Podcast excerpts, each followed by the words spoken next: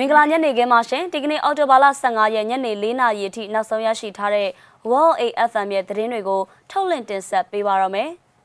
အခြေအနေတိုးတက်မှုမရှိရင်မြန်မာစစ်ကောင်ဆောင်ကိုအာဆီယံညီလာခံတက်ရောက်ခွင့်ပေးဖို့သဘောမတူဘူးလို့မလေးရှားပြောပါတယ်အတိုင်ပင်ခံနဲ့နိုင်ငံတော်သမ္မတတို့ရဲ့ယုံချင်းသတင်းတွေကိုမထုတ်ပြန်ဖို့ရှေ့နေဖွဲ့ကိုတားမြစ်လိုက်ပါတယ်မြောက်ကလာပမြို့နယ်ကရက်ကွက်တွေမှာ စီပင်ဝန်ထမ်းတွေကရေမီတာအကျွေး9လစာလိုက်ကောက်နေပါတယ်။ပြည်မြို့မှာတော့အရက်ထဲမီတာကလိုက်ကောက်နေသူတွေကိုပြည်မြေအောက်ပျောက်ကြားအဖွဲ့ကတတိပေးလိုက်ပါပြီ။ထိုင်ဝမ်မှာအထက်မြင့်အဆောက်အအုံတစ်ခုမီးလောင်ရာကလူ46ဦးသေဆုံးတဲ့တဲ့ရင်ကိုလည်းတင်ဆက်ပေးပါမယ်ရှင်။သဘောတူထားတဲ့ငြိမ်းချမ်းရေးအစီအစဉ်တရက်နဲ့ပတ်သက်ပြီးတိုးတက်မှုတစ်ခုခုမရှိရင်မကြခင်ကျင်းပမဲ့အာဆီယံခေါင်းဆောင်များညီလာခံမှာ မြန်မာအာဏာသိမ်းခေါင်းဆောင်ပါဝင်တက်ရောက်ဖို့ကိုမလေးရှားနိုင်ငံအနေနဲ့မလိုလားကြောင်းမလေးရှားနိုင်ငံသားရေးဝန်ကြီးကဒီကနေ့မှပြောကြားလိုက်ပါတယ်။အာဆီယံနိုင်ငံသားရေးဝန်ကြီးတွေကဒီကနေ့မှအစည်းအဝေးတစ်ခုပြုလုပ်ဖို့ရှိပါတယ်။ဒီအစည်းအဝေးမှာမြန်မာခေါင်းဆောင်ကိုလာမယ့်အာဆီယံထိပ်သီးတွေ့ဆုံပွဲကနေဖယ်ထုတ်မလားဆိုတာကိုဆွေးနွေးကြဖို့ရှိနေတာပါ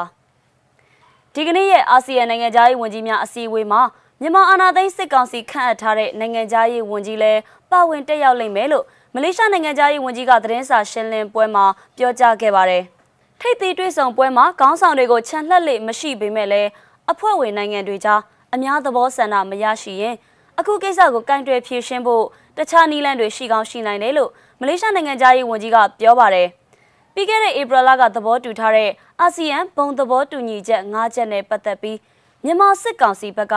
ပါဝင်ဖော်ဆောင်ဖို့ပြက်ကွက်တဲ့အပေါ်အာဆီယံအဖွဲ့ဝင်နိုင်ငံတချို့ကအပြင်းထန်ဝေဖန်ထားပါတယ်။လာမယ့်အောက်တိုဘာလ26ရက်ကနေ28ရက်နေ့ထိကျင်းပမယ့်အာဆီယံထိပ်သီးတွေ့ဆုံပွဲမှာမြန်မာအာဏာသိမ်းခေါင်းဆောင်ကိုမဖိတ်ကြားဖို့အတွက်အဖွဲ့ဝင်နိုင်ငံတချို့အကြားဆွေးနွေးမှုတွေရှိထားခဲ့တယ်လို့မြန်မာဆိုင်ရာအာဆီယံအထူးတန်တမန်ကလည်းပြီးခဲ့တဲ့အပတ်ကထုတ်ပြောထားပါတယ်ရှင်။ နိုင်ငံတော်တိုင်ပင်ခံပုဂ္ဂိုလ်ဒေါအောင်ဆန်းစုကြည်နဲ့နိုင်ငံတော်သမ္မတဦးဝင်းမြင့်တို့ရဲ့ရှေ့နေဦးခင်မောင်စောကို အမှုအခြေအနေနဲ့ပတ်သက်ပြီးပြည်ရင်းပြည်ပသတင်းဌာနအားလုံးကိုဖြေကြားပြောဆိုတာမလုပ်ဖို့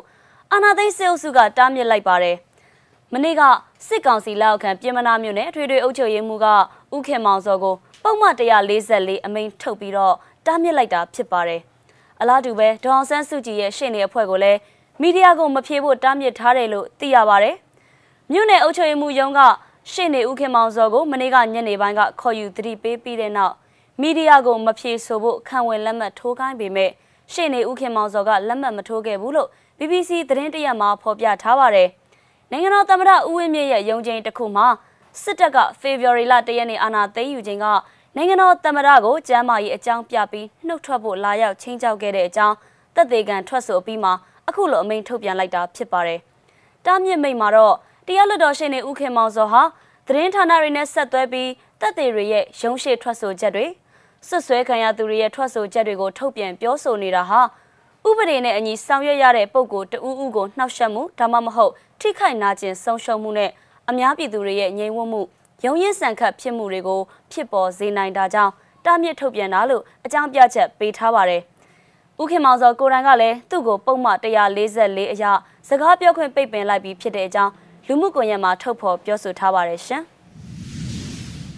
ရန်ကုန်တိုင်းကသတင်းနဲ့ဆက်ချင်ပါတယ်။မြောက်ကလာပမြို့နယ်ကရက်ကွက်တွေမှာစီပင်ဝန်ထမ်းတွေကရေမီတာကျွေးကြံလိုက်လံကောက်ခံနေတယ်လို့ဒေသခံတွေစီကနေသိရပါတယ်။ရေမီတာကတစ်လကို1500ကျပ်နှုန်းနဲ့9လစာအတွက်ဆိုပြီးငွေကျပ်9500ကိုလိုက်ကောက်နေတာပါ။မနေ့တုန်းကညရက်ကွက်မှာတော့စီပင်ဝန်ထမ်းတွေကရေမီတာတွေကိုလိုက်စစ်ဆေးပြီးဇွန်လကနေအောက်တိုဘာလအထိ မီတာက9လစာအတွက်ပေါင်းပြီးကောက်ခံနေတာဖြစ်ပါတယ်။လာကောက်တဲ့သူတွေကအမျိုးသမီးဝန်ထမ်းတွေဖြစ်ပြီးယူနီဖောင်းလည်းဝတ်မလာကြဘူးလို့ရက်ွက်နေပြည်သူတဦးကပြောပါတယ်။အရင်ကဆိုရေမီတာကိုမစစ်ဘဲလစဉ်ကြီးကိုသူတို့ပြောတဲ့အတိုင်းပေးရတယ်။တလချင်းဆိုတော့ငွေနေတဲ့အခါပြဿနာမရှိဘူး။အခုကျတော့9လစာတစ်ခါတည်းပေါင်းပေးရမယ်ဆိုတော့မပေးလိုက်နိုင်ဘူး။ဒီတော့ရုံးမှလာဆောင်ဆိုပြီးရေမီတာစာရွက်ထားသွားတယ်လို့သူကပြောပြပါတယ်။နောက်ပိုင်းမှာ ရေမီတာမဆောင်တဲ့အိမ်တွေကနေရေမီတာခေါင်းတွေကိုဖြုတ်ယူဖို့အထက်ကညွှန်ကြားထားကြောင်းလည်းသိရပါတယ်ရှင်။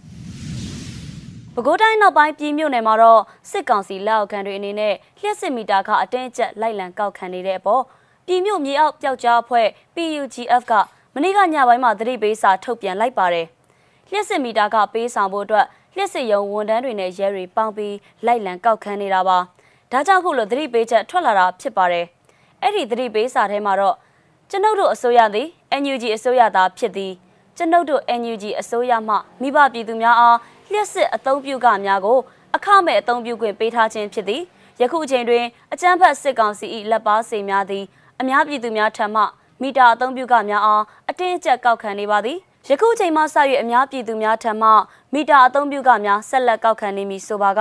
ကောက်ခံသူနှင့်မိသားစု၏အသက်အိုးအိမ်စီးစိမ်များအား ကျွန်ုပ်တို့ PUGF မှတာဝန်ယူမည်မဟုတ်ပါကြောင်းသတိပေးအပ်ပါသည်ဆိုပြီးရေးသားထားတာပါ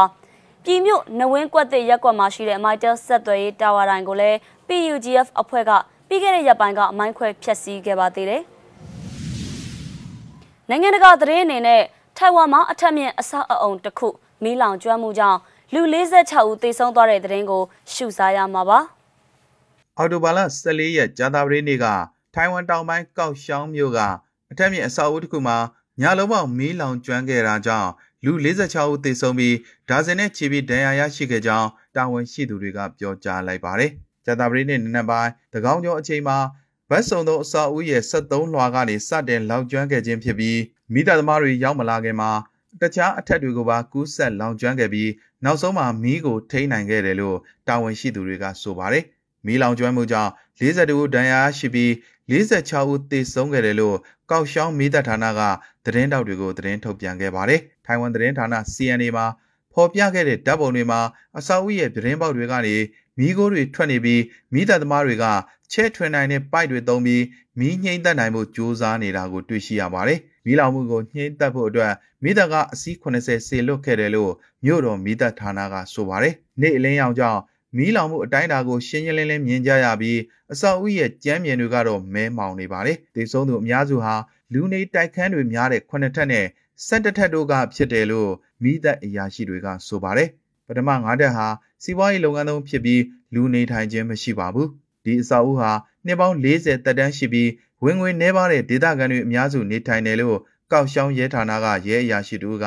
AFP ကိုပြောပြပါတယ်။တိုက်ခန်းမှာနေထိုင်သူ အယောက်100ကျော်အသက်ရှင်ကျန်ရတယ်လို့ရဲအရာရှိလီယူကဆိုပါတယ်။မီးလောင်ရတဲ့အကြောင်းရင်းကိုတာဝန်ရှိသူတွေကမစစ်ဆေးရသေးကြောင်း၎င်းကဆိုပါတယ်။မူကဲစေးတပ်ဖွဲ့တွေရောက်နေပြီးနေမွေငယ်အဆောက်အဦကိုတစ်ခေါက်ထက်ရှာဖို့စီစဉ်နေတယ်လို့ဆိုပါတယ်။ငလျင်တွေနဲ့တိုင်ဖွန်းမုန်တိုင်းတွေမကြာခဏတိုက်ခတ်လေးရှိတဲ့ကျွန်းကျွန်းဖြစ်တာကြောင့်ထိုင်ဝမ်မှာတင်းကျပ်တဲ့အဆောက်အုံဆိုင်ရာသတ်မှတ်ချက်တွေနဲ့အန်ဒီယကင်းရှင်းကြောင်းစစ်ဆေးမှုမှတ်တမ်းတွေရှိပါတယ်။ဒါပေမဲ့အဆိုပါအဆောက်အဟောင်းကတော့ရှိနေသေးဖြစ်ပါတယ်။ မကြသေးမီကလှုပ်ခတ်ခဲ့တဲ့ငလျင်များအတွင်တိစုံမှုအများဆုံးအကြောင်းရင်းမှာအဆောက်အဟောင်းများပြိုကျမှုကြောင့်ဖြစ်ပါတယ်။အခါအားလျော်စွာနောက်ဆက်တွဲစစ်ဆေးမှုတွေအရ၎င်းအဆောက်အဦဒီဇိုင်းတချို့ဟာတက်မှတ်ချက်နဲ့မကိုက်ညီဘူးလို့ဆိုပါတယ်။ဒီကနေ့ညနေခင်း၄နာရီထိနောက်ဆုံးရရှိထားတဲ့ 108FM ရဲ့သတင်းတွေကိုထုတ်လင့်တင်ဆက်ပေးခဲ့တာပါ။အချိန်ပေးပြီးစောင့်မျှော်နှားဆင်ပေးကြတဲ့အတွက်ကျေးဇူးတင်ပါတယ်ရှင်။